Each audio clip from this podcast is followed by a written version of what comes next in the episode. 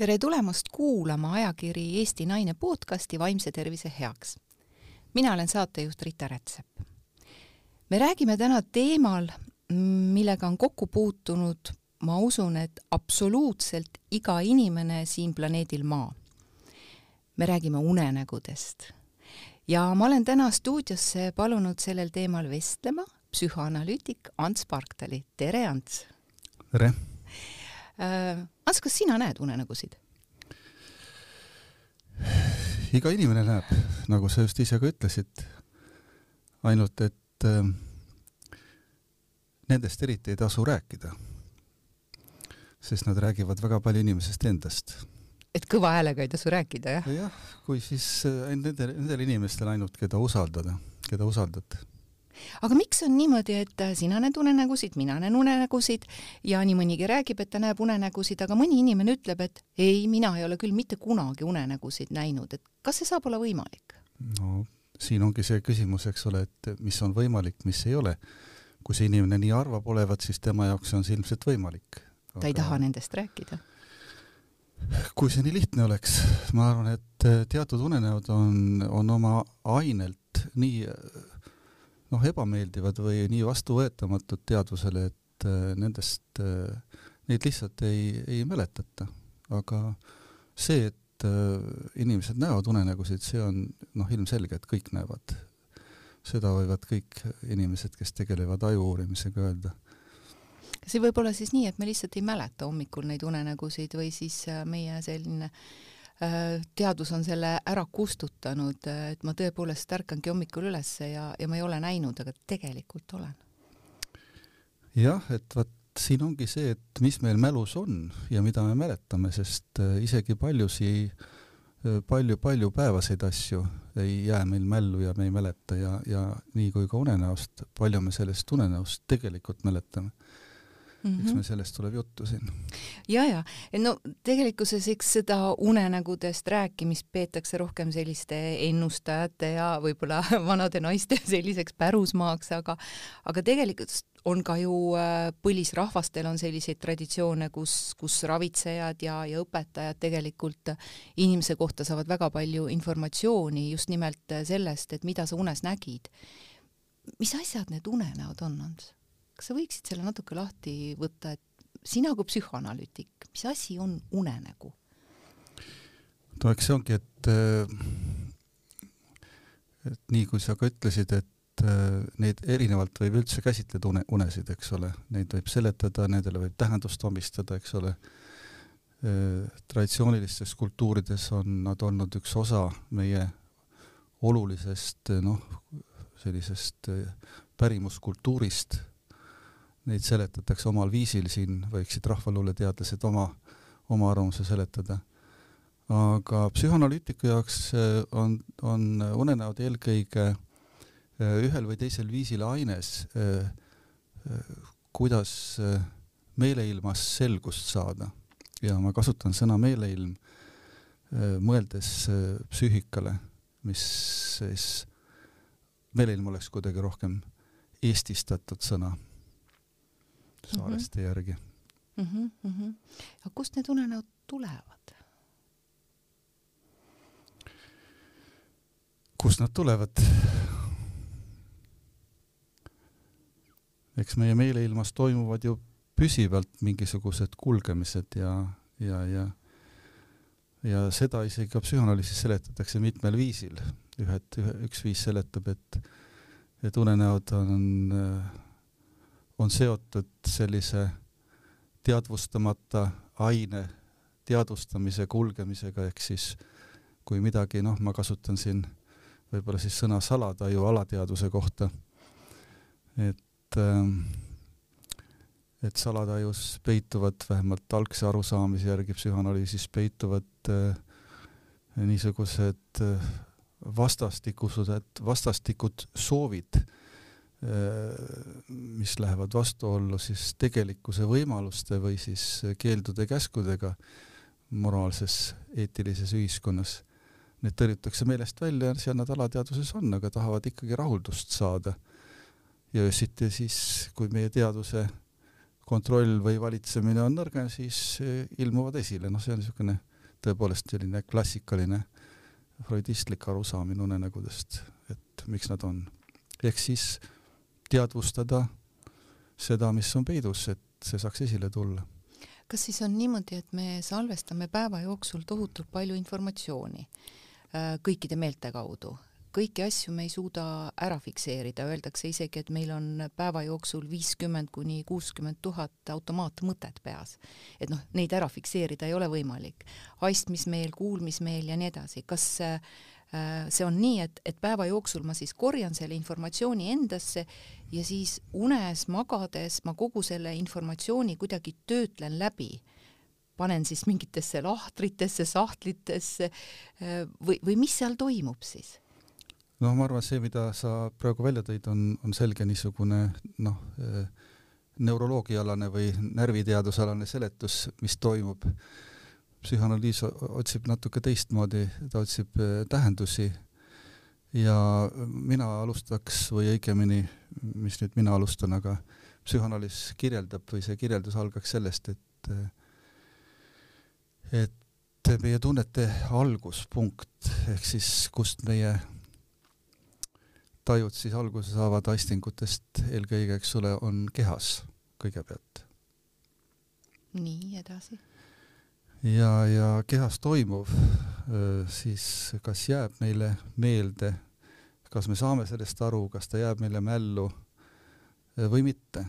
ja kogu see kulgemine siis ühest küljest on ju vastastikune, et küll keha toob meile tõese arusaamise tunnetest meel sageli ei suuda seda kõike mõista ja sageli moonutab suure osa sellest, aga ta annab selle ka kehale tagasi. Ehk siis siit tulebki selline noh, kuidas seda siis öelda, selline vastastikune kulgemine, äh, lakkamatu tsirkulatiivne niisugune kulgemine kehalt meelele, meelelt kehale ja nii edasi ja nii edasi, mille, mida siis võiks nimetada eneseregulatsiooniks, mis otsib tasakaalu. Aga noh, see läks nüüd väga üldiseks, eks ole, sa küsisid, et kuidas siis unenäod siin seostuvad või, või, või et kuidas see mäluga seostub. Et küllap ta ongi osa sellest ainesest jah, mis on jäänud meele poolt mitte niivõrd segaseks, segaseks nagu välises küljes, aga sobimatuks ehk selle tasakaalu loomisel. ja selle tõttu keha ütleb, et ma vajan seda nii nagu keha ütleb, et ma vajan tassi kohvi, eks ole, mis on niisugune mõnus asi. Nii ta ütleb seda ka, et ma tahan selgust, mida ma tunnen selle tõttu või selle jaoks, et ma teaks, kuidas toimida, kuidas elada, kuidas toime tulla suhetes eelkõige sa tõid äh, sellise väikse näite nagu kohvitassiga, et ähm, kui ma olen teadlik inimene, siis ma tunnen, et ahah, et ma vajaksin praegu seda mõru maitset, seda mm -hmm. head kohvi maitset, ma tahan seda tunda, kogeda ja, ja mul on mõnus ähm, väga tihti öeldakse, et oh, ma olen nii väsinud, ma lähen teen ühe tassi kohvi mm. -hmm. ehk see ei ole kontakt iseenda tunnetega, ma äh, olen väsinud, siis mine puhka, mitte ära tee tass kohvi mm. -hmm. et praegu sa tõid nagu selle unenäo ka siia mm -hmm. sisse, et see teadlikkus ja mitteteadlikkus, et kui ma päevasel ajal surun mm -hmm. alla seda teadlikkust ja, ja, ja nagu eiran seda informatsiooni, mis minu seest mm -hmm. tuleb, siis unenägudes tahab ta nagu välja tulla mm. -hmm on see, on see ja, kuidagi see nii on, seletatav? jah, see on väga täpne, sest sa tõid praegu just välja sellise vastuolu, mis võibki olla, olla selles äh, salatajus äh, ühest küljest äh, minu soovi vahel puhata ja, ja selle vahel, kuidas ma seda teen, sest ma ei teadvusta endale seda, mida sa just ka ütlesid, et ma vajan puhkust. ja, ja kohvi või ükskõik milline mõnuaine, mida on hea võtta, ta toob kiire äh, kiire lahenduse ja, ja, ja nii ma jään põhimõtteliselt mõlemast ilma ja ma jään sellest mõnusast kohvi joomisest ilma, ma jään ka sellest ilma, et ma võiks puhata selle asemel. aga noh, see, see, see noh, viibki selle juurde välja, kuivõrd teadlikud me oleme oma vajadustest ja kuivõrd needsamased vastuolud eh, noh, mis on välja tõrjutud teadvusest ja mis võivad meid kahjustada, lähevad tõepoolest siis eh, salatajusse ja äh, väljenduvad sellistest vastasseisudes, noh, mis siis öösel mingil moel moonutatud kujul ilmuvad piltide või helidena või kuidas kellelgi või siis ilmu üldse. et otsivad, keha otsib lahendust, kas keha võib öelda, et äh, unenägudes siis ikkagi keha otsib mingil määral lahendust päeval kogetu nagu läbikogemiseks või, või kuidagi lahendamiseks? Jaa, et sa võtsid praegu väga, ühe väga olulise teema äh, üles selles mõttes, et äh, kui oluline on, on üldse kehal või noh, oluline koht on kehal meie tervel meeleseisundil, meie terviklikkusel. sealt saab see alguse muidugi. Mis asi on see salataju, millest sa oled rääkinud, kas sa võtaksid palun natukene selle lahti rohkem? noh, see on viis, eks ole, kuidas nüüd psühhoanalüüs, mida mina kasutaks sõna meelesõõlamine, mis on ka selline eestistatud psühhoanalüüsi kohta kasutatav sõna, et olgu siis see meelesõõlamine, salataju on, on äh, soomlastelt laenatud piilotajunta. otsetõlge jah, otsetõlge, aga ta on väga täpne, sest äh, küll on Eestis otsitud ja oleme ise otsinud head tähendust alateadvuse, mis on kõige levinum, ei ole leidnud, aga kui sa nüüd küsid alateadvuse olemust, siis loomulikult eh, ei ole alateadvust, eelteadvust ega teadvust selles tähenduses, noh, mismoodi psühhanalüüs näeb, teda, teda psüühikas olemas või meeleilmas olemas, see on noh, niisugune kuju, kujund või, või noh, niisugune kujutlus, mismoodi meie meel töötab. Ja et üks osa on lihtsalt see osa, mis on teadvustamata meiest peidus, teine osa on selline eelteadvus, kuhu siis midagi võib ilmuda, võib tagasi minna, võib teadvusesse tulla. Ja mingi osa on siis, äh, mida me teadvustame. see on nüüd väga äh, psühhonaal- või sellise meel-, meelesõõlamise algaastate arusaam, võib-olla me räägime hiljem natukene sellest kaasaegsemast. aga räägi praegu, räägi praegu, mis asi see kaasaegsem suund on? et, et ma, äh, ma tean, et on olemas Jungi selline lähenemine unenägudele ja freudistlik mm -hmm. lähenemine, aga mis ja. on see kaasaegne?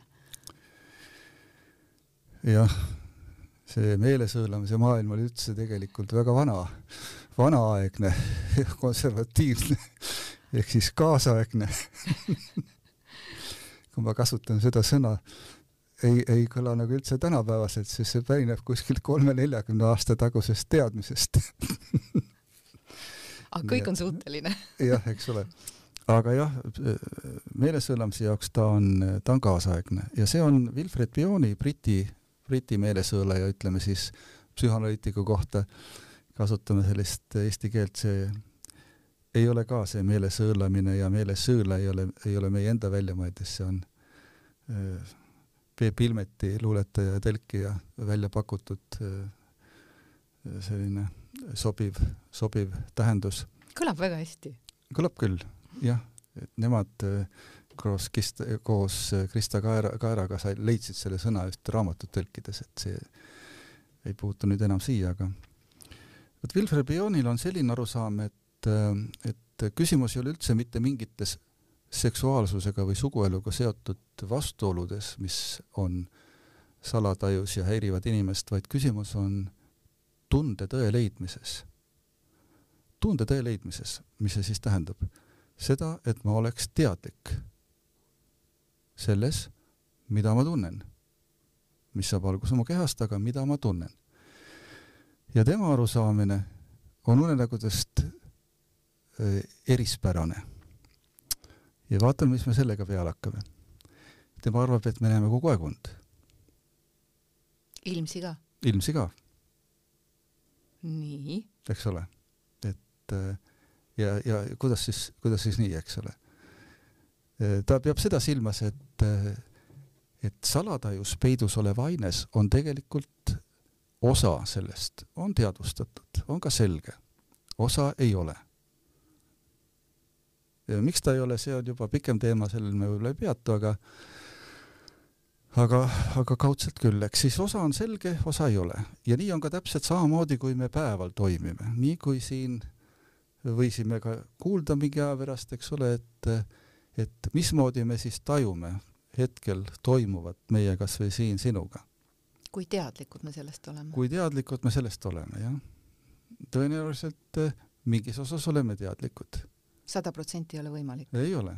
mingis osas me ei ole teadlikud, siis me räägime unistustest, siis me võib-olla räägime unelmatest, võib-olla me räägime fantaasiatest, mida eesti keeles võiks öelda ka mõttekujutlused. aga siin on kindlasti mingi osa, kus me ei ole üldse teadlikud, arvame ennast teadlikud olevat. ja see on see meie päevase elu psühhootiline osa kui ma kasutan sõna psühhoos, siis see kõlab väga karmilt, eks ole, et see on juba mingisugune kas pehmem variant on ego?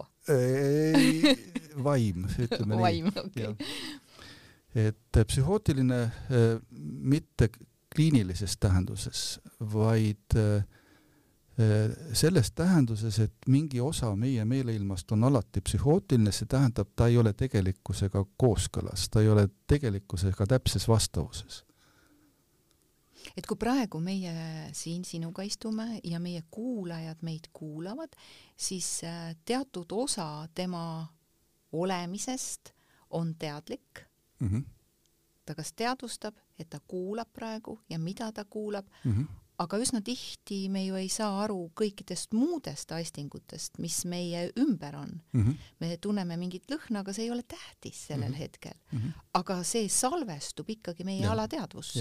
jah ja, ja kui ma tunnen sedasama lõhna kuskil mujal, mingil muul hetkel, siis minus võib vallanduda seesama tunne, mida ma praegu tundsin, aga mul puudub seos sellega. või seesama lõhn, eks ole, äratab minus kas või ärkvel olles, kas või kuskil töö, töö juures, kuskil kõndides, sõites trammis, äratab mingisuguse arusaamise, millel ei ole tegelikkusega mitte mingit pistmist. see on päästik. jah.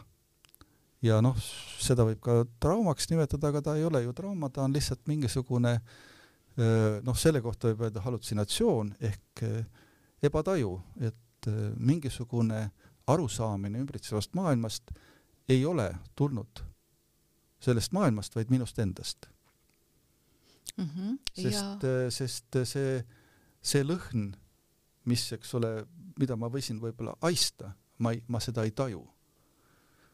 see, see on... ei ole sellel hetkel mulle tähtis ja,. jah, ma ei teadvusta seda mm. -hmm. Kas see on inimese jaoks kuskilt maalt välja kujunenud siis evolutsiooniliselt mingi kaitse, et me ei saa olla sada protsenti teadvel? ja unenägu siis tuleb nagu appi seda kuidagi korrigeerima no vaata, siit sa nüüd viid meie jutu väga huvitavasse kohta. mina liiguks siit tagasi, ma ei tea, aegadesse võib-olla kas või Austraalia aborgeenide juurde, kui unenägu ja tegelik elu oligi nagu üks ja sama. inimesed olid väga kooskõlas iseendaga. sellepärast, nende kehad ja vaim olid kooskõlas. ainult et vaimu kui sellist, mida ma kasutan ego jaoks, seda küll eriti ei olnud siis. et see oli niisugune noh, kogukondlik elamisviis. Ehk siis aegu tagasi sellist olukorda ei tekkinud suures osas seetõttu, et inimesed elasid kooskõlas ümbritseva keskkonnaga, ümbritseva loodusega, ümbris-, ümbritseva kogukonnaga. ja selle tõttu neid vastuolusid nii ei olnud ja siis olid võib-olla tõesti tõsised psüühilised häired, näiteks psühhoos või selline mingitel põhjustel, eks ole. aga sellist psühhootilist osa, millest meie tänapäeval räägime, sellist eh, asja nendes kultuurides ei saanudki olla, sest eh, noh, kui nüüd küsida, miks see tänapäeval nii on, siis meie ümber on lihtsalt liiga palju kõike, millega toime tulla. ja sinu mõtte juurde tagasi tulla, et me, me lihtsalt ei jõua sellega kõigega tegeleda meil tuleb mingist osast taanduda. ainult et see on äh, masendav tendents selles mõttes, et äh, vähemalt mina näen seda nii. see viib meid sinnamaani, et me hakkame üha rohkem, rohkem toime tulema loogika ja ratsionaalse mõistusega ja rohkem unustama oma tundeid äh, kui sa tõid selle kogukondliku mõttelaadi kunagi ammu-ammu, näiteks praegu siin selle aborigeenide näitel, et siis see loogika, mis neid inimesi saatis, oli üsna lihtne ja konkreetne loogika, et kui ma kuulen seda häält, siis on see see loom. väga täpne, jah. ja, ja, ja, ja, ja, ja siis aitavad kiired jalad või või saan aru, et ahah, see, see küttimise instinkt minus ärkab ja, ja selle looma ma kätte saan. aga tänases maailmas me oleme hästi loogilised küll ja, ja me ei jõua oma, me olemegi võib-olla liiga palju sellised ratsionaalsed ja loogilised ja seda infot on nii palju, et me ei jõua enda tunneteni. me ei tea, kas võidelda või põgeneda. see on üks seletusviis. teine, teine on selles, et, et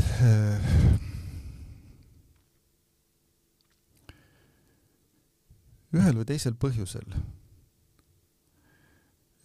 meie arusaamine tunnetest muutub või üleüldse ümber toimuvaks muutubki konkreetseks. ehk siis noh, nii ta on ja teisiti ta ei saa olla. me hoiame nagu sellest kinni siis või? see on, see on, see on seda, see on see olukord, kus noh, sümboliseerimist või võrdkujutamist enam ei saa tekkida et tähendusi me loome läbi, läbi noh, konkreetsete nähtuste sümboliseerimise ehk võrdkujutamise, eks ole, siis me, siis saab mingisugune asi või objekt või olend saab omada mitut tähendust. aga kui ta on konkreetne, siis saab tal olla ainult üks tähendus.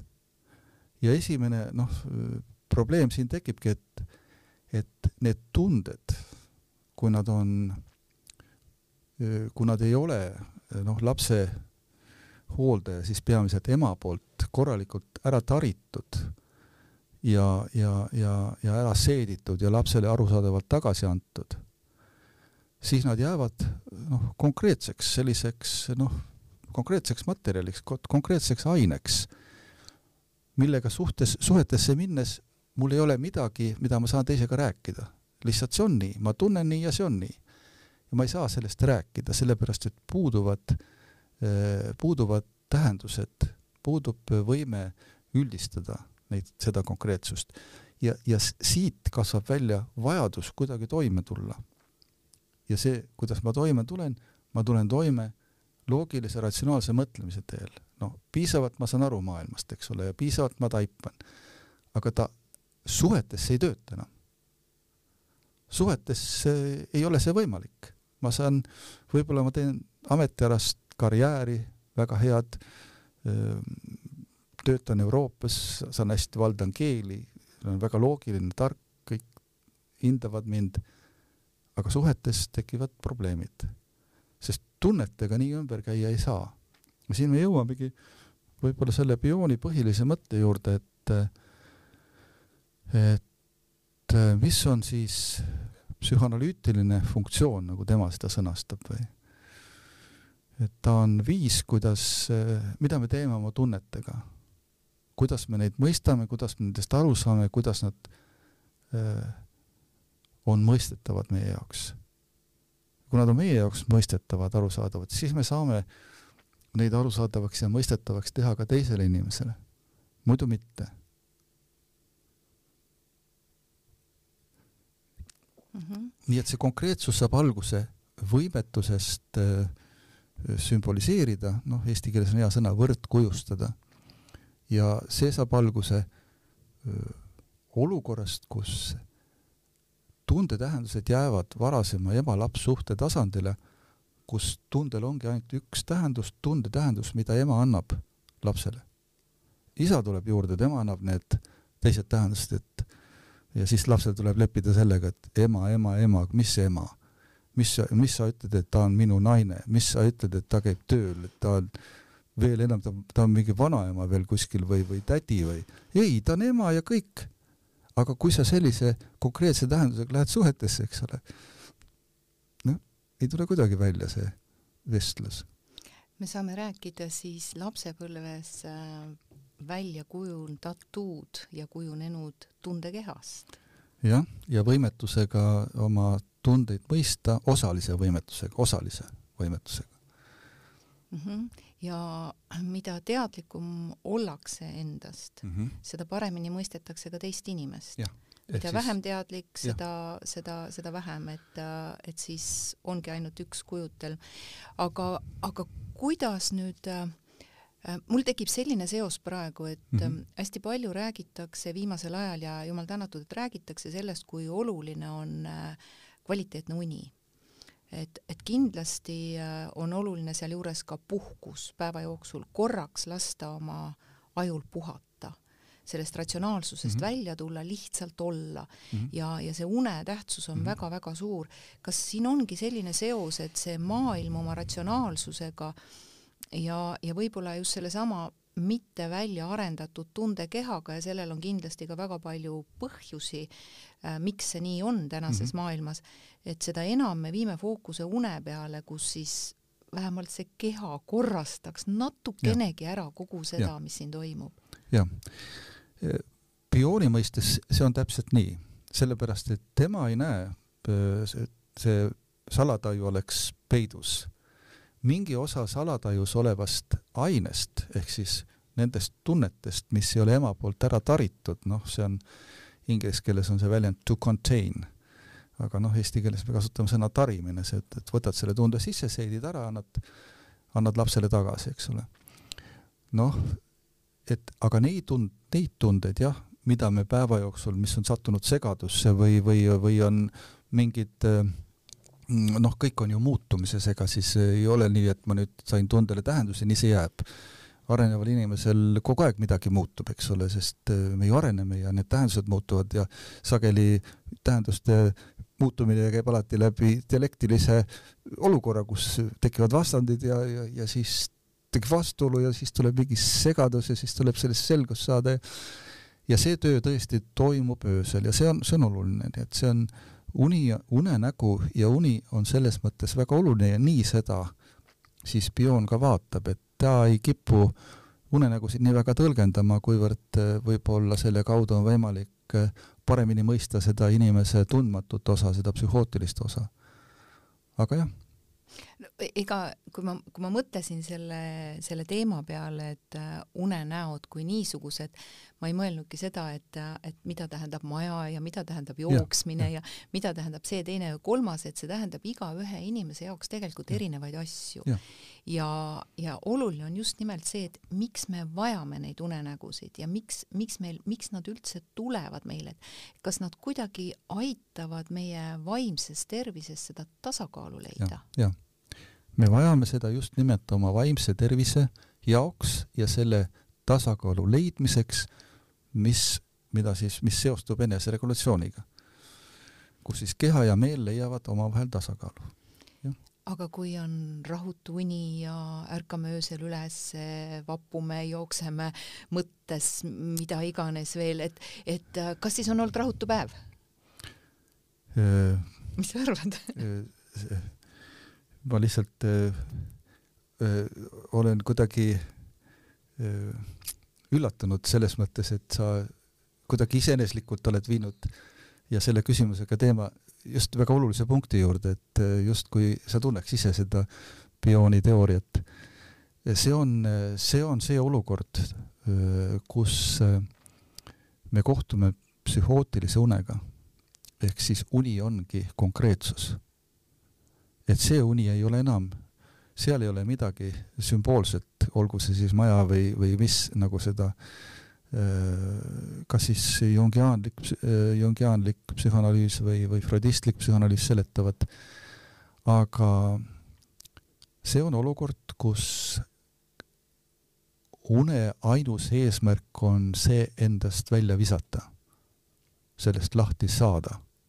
Ja selle, seal ei ole mitte midagi seletada, seal ei ole mitte midagi sõõlata, sest äh, seal puudub äh, tähenduste noh, selline mitmekesisus, kõik on konkreetne. ja selles äh, mõttes nüüd kujuta ette, et sellise samasuguse unega tuleb inimene ja räägib sinuga ärkvel olles mingitest noh, kas või näiteks oma, oma suguelu teemadest, noh. ja ta arvab, et see ongi tõsi, mis temaga on.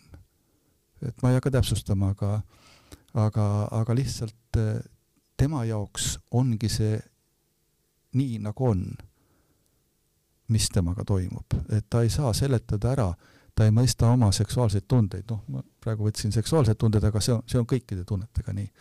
aga seksuaalsete tunnetega seda, see on võib-olla kõige lihtsam. Et see erinevus tuleb välja. et see võib samamoodi olla, ta tahab lihtsalt sellest, selle välja saada. ja see on ka kõik. keha on nii tark. keha on väga tark. ta otsib tasakaalu. jah, keha peale võime loota. absoluutselt, täielikult. teda võiks kuulata. jah, kõigepealt keha, alles siis teist inimest, jah, ja iseenda keha ja see on ju koht, kus see, mis sa just ütlesid, et keha tuleb kuulata, et kui kergesti me unustame ära oma keha. mõtleme mitmesugustele kaasaegsetele harrastustele, kus oma keha pannakse proovile kümnetes maratonides, ei tea kus veel, sellistes kohtades. selle asemel, et leida tasakaalu ja kui me mõtleme selle sinu näite poole varasemalt selle aborigeeni näite peale, et et seal hinnati täpselt ära oma, äh, tajuti oma meeleseisundit, mis minu sees praegu toimub, seda tunnet, mis kerkis üles mingi impulsi peale, hinnati ära keharessurss kohe.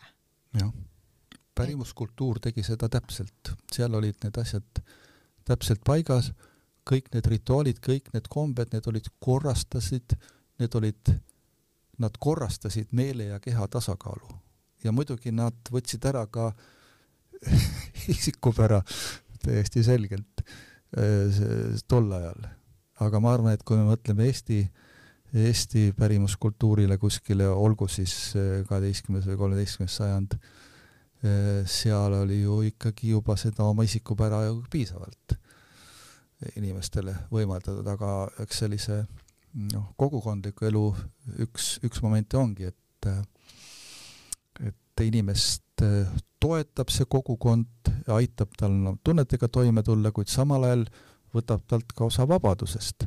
meie oleme siin praegu olukorras, kus jah, ma jätan nüüd praeguse hetke kõrvale, et, et, et ühiskond ei võta meie vabadust ära, aga ta jätab inimese üksinda.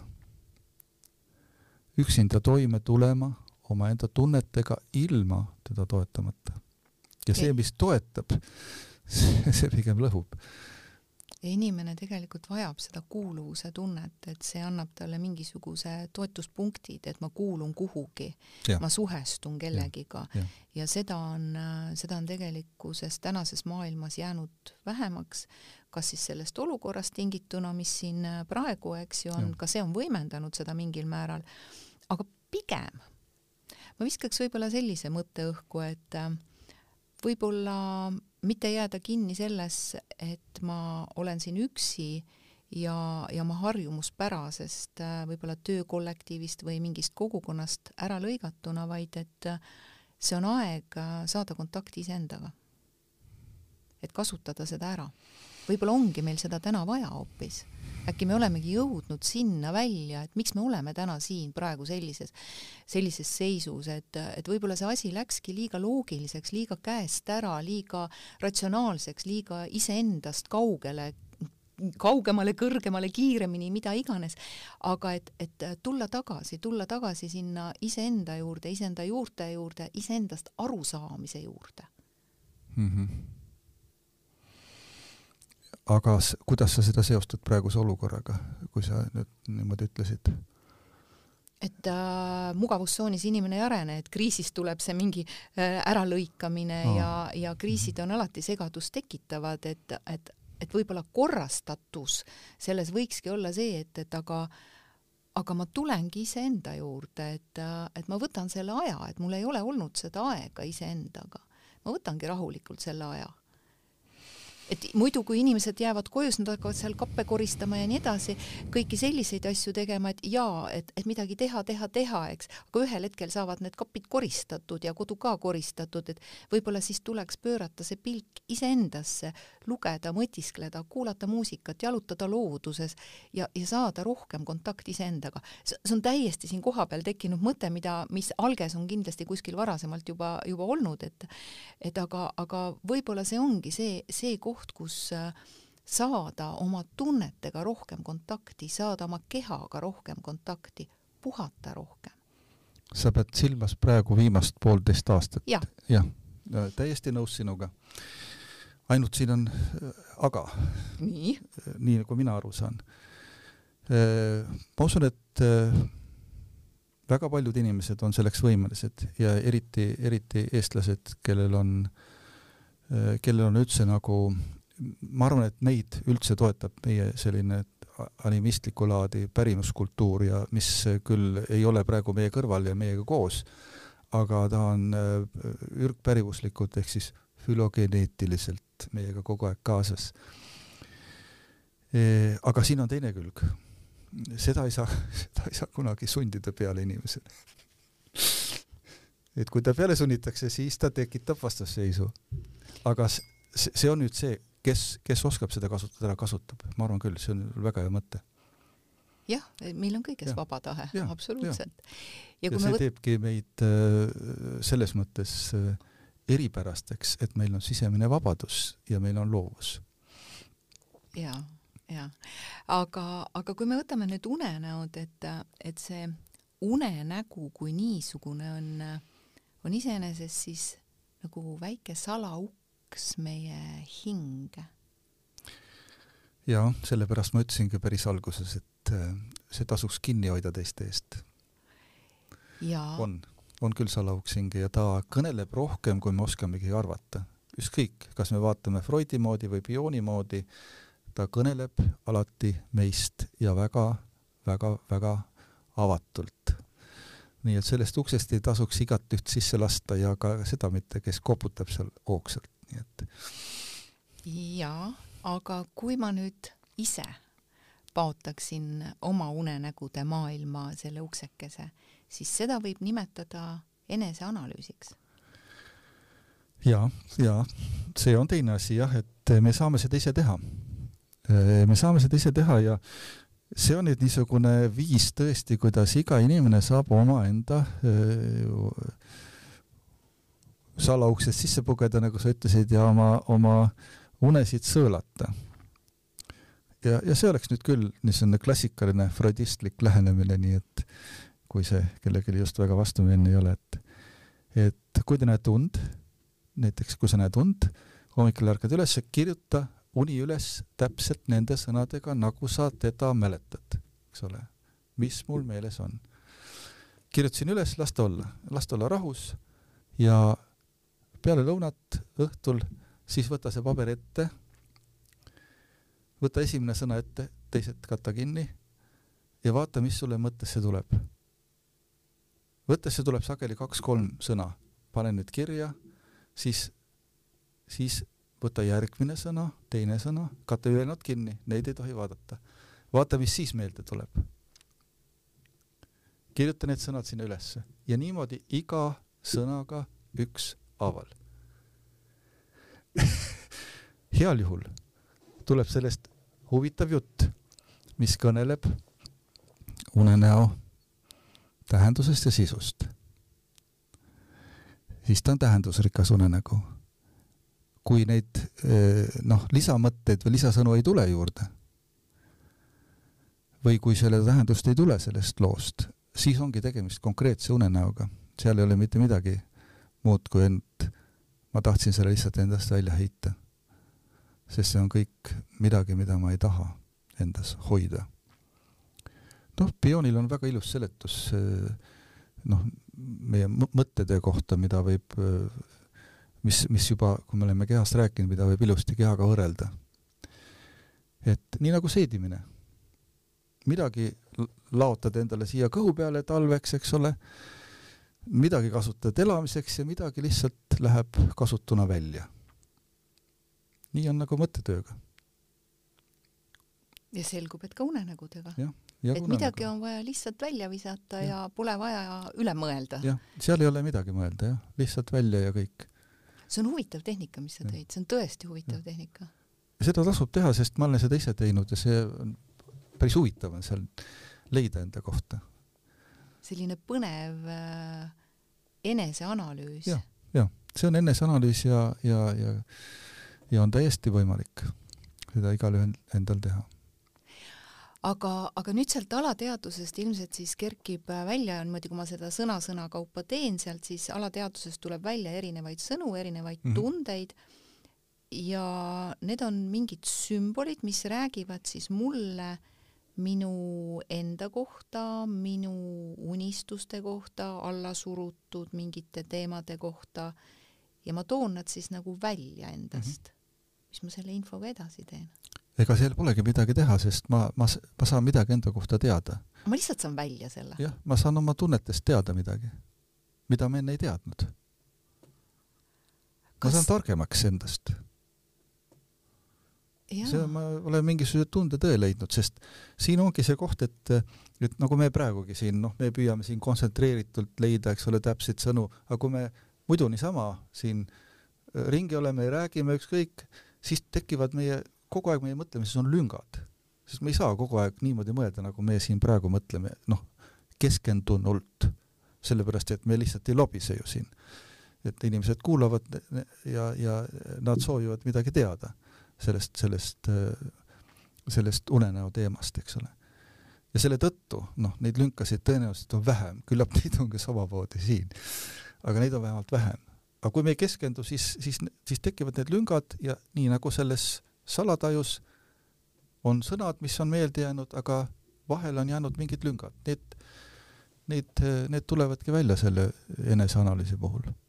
Nad täidavad need lüngad ära ja tekivad lood, noh, need on niisugused lood meie kohta. niimoodi me tulemegi sellisest tundesegadikust välja lugude kaupa. nii on ka psühhoanalüüsis, meelesõõlamises, eks ole, me räägime lugusid mõnes mõttes tunnetest. Mingid tunded, mis on salvestunud meile kuskile rakumällu, nad on meie kehas olemas, me kas äh, siis mis iganes põhjusel me neid siis alla surume, nendest mitte teadlikud ei ole, me -hmm. tõstame nad nagu välja. vaatame neile otsa jah, nad, nad võiks öelda isegi nii, et nad millegipärast trügivad sealt välja, sest nad tahavad, tahavad midagi, tahavad tulla välja. jah mm. -hmm. ja siis, siis me, siis meil tuleb nendega tegeleda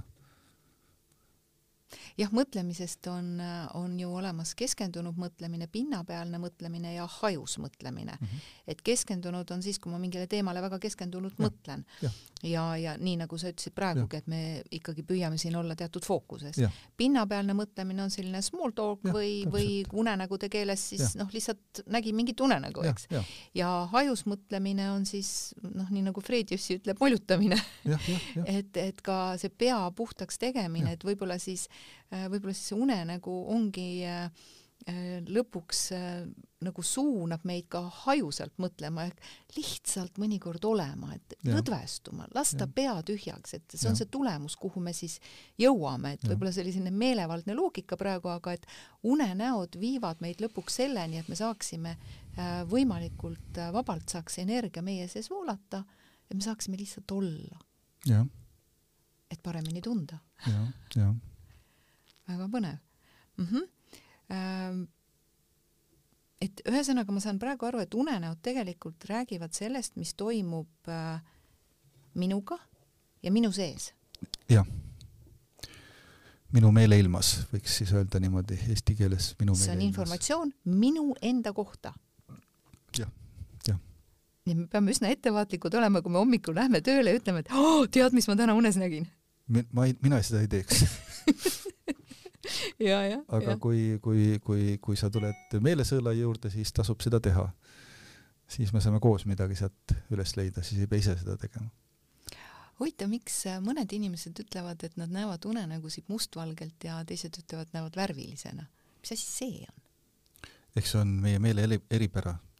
Ah. kellel on, kel-, kellel millised tajud on rohkem võib-olla mingil põhjusel arenenud ja nii edasi ja nii edasi, et kes, kes pildiliselt, kes unenäod, ma kujutan ette, võivad olla numbrilised, muusikalised, eks ole, inimesed, kes muusikaga tegelevad, näevad unes või vähemalt teadvustavad selliseid vi viisikatkeid ja, ja nii edasi, nii edasi, et see on, see on meie meeleilma ja, ja tajude eripära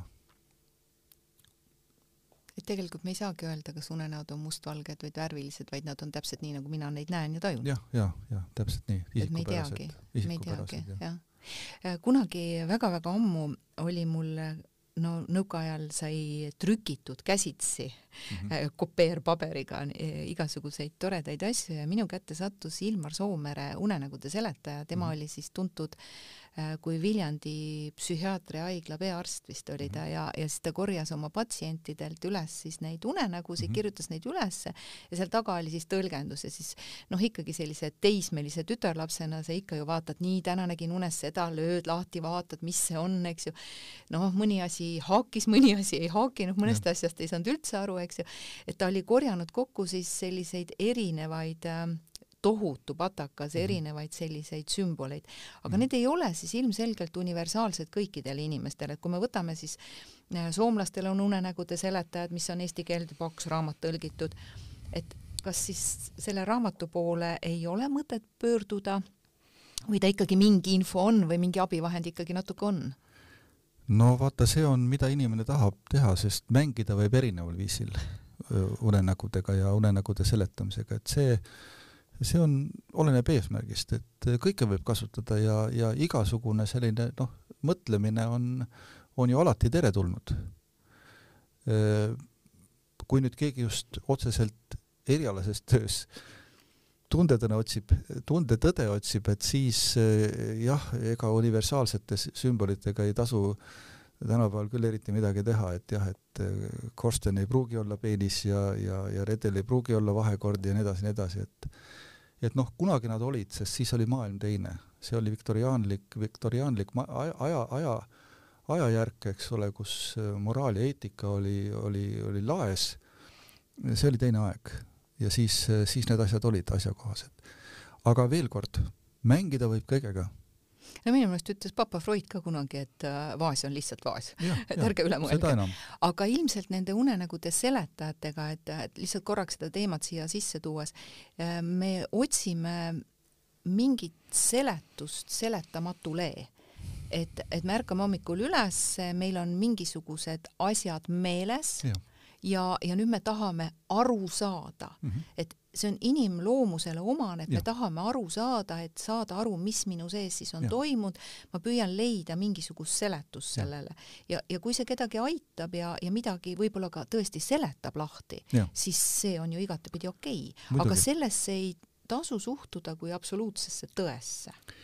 jah, et seda tasub võtta nii, kuidas inimesel vaja on, selles mõttes, et äh, et si-, see, see, mis viib inimesi ja vi-, mis viis ka sind, eks ole, Soomere unenägust lugema, on ju uudishimu. uudishimu iseenda vastu, see on esiteks tervitatav asi. et iga asi, mis aitab seda uudishimu üleval hoida ja arendada, ükskõik mis ta ka ei ole, kui jabur ta meile ei tundu võib-olla mingisugune, ta on alati ikkagi mänguasi, igaüks leiab sealt seda, mida ta vajab. jah, ja, ja, ja paljudel inimestel, näiteks mul endalgi on üks selline korduv unenägu, et ma tean, et kui ma seda näen, siis minu elus midagi väga-väga palju muutub hmm.. et, et see on äh, olnud siis ühel hetkel märgatud, et aa, see on ja. jälle see ja nüüd ma tean, et tuleb mingi väga-väga suur ja. muutus minu ja. elus. et, äh, et ka need on ju informatsioon minu enda kohta, ma olen siis kuulanud ennast ja et, äh, et ja. ma usun, et igal inimesel on võib-olla mingeid selliseid äh, unenägusid, mis on tema jaoks tema märgilise tähendusega ja tähendab midagi, et, et kas see on nüüd uskumus või see on nüüd tõelisus, seda me mhm. tegelikult ei tea ja,. jah, jah. sest see on enda tunnetes teadlik olemine. see on, see on oluline jah, ja võib-olla see sinu antud harjutus, et, et tõesti võtta, võtta see harjutus ja ja, ja, ja saada, teha see läbi, see harjutus, et kui ma olen hommikul ärganud mm. ma mhm. tõesti kirjutan üles täpselt mm. nii, nagu ta minu seest tuleb ja, ja siis pärast pealelõunat või õhtupoole või mm kui mul on rahulikumalt aega, siis ma, siis ma mängin seda, selle ja. mängu ära, on informatsioon minu enda kohta ja mida, mida paremini ma tegelikult iseennast tunnen, iseendast aru saan mm, -hmm. äh, nii palju, kui see vähegi võimalik on, äh, siis äh, ega see iseendast arusaamine on nagu unenägudest arusaamine, et lõpuni ei saagi aru no täpselt, sest äh, kui ma mainisin seda biooni psühhoanalüütilist funktsiooni, eks ole, siis äh, sellel, selles tegelikult, selles äh, funktsioonis ei ole mitte midagi psühhoanalüütilist peale nime, sest see on üldinimlik äh, viis mõelda oma tunnete üle, millele on lihtsalt äh, Wilfred Bion keskendunud ja rajanud siis oma sellise tänapäevase, tänapäevase meelesõelamise okei, et, äh, et siis, kui me võtame kokku selle, siis mulle tundub, et seda võiks kokku võtta nii, et et unenäod peegeldavad meie sees toimuvat jah, ja kui me natukenegi õpime seda unenäo keelt tundma, seda -hmm. enda sees olevat, siis me õpime ka iseennast paremini tundma. ja kui me õpime iseennast paremini tundma, siis me oskame võib-olla ka tõlgendada paremini seda unenägude keelt, aga me oskame selles maailmas teiste inimeste keskel ja iseenda sees paremini hakkama saama. jah, eelkõige just iseendaga ja suhetes ja lähedastes suhetes eriti. ja see on väga oluline. ja see võikski olla see kokkuvõte, mis me täna unenägude teemal siin sinuga rääkisime. täiesti, täiesti, täiesti nõus sinuga. aitäh sulle, Ants, et sa tulid ja meiega seda kõike, kõike siin jagasid ja ja aitäh meie kuulajatele, kes meid kuulasid, meiega kaasa mõtlesid ja ja proovige siis seda põnevat harjutust, mis Ants andis, et saada paremini iseendast aru ja, ja selles maailmas paremini ka toime tulla. ja tänan kutsumast ja head kuulamist kõigile!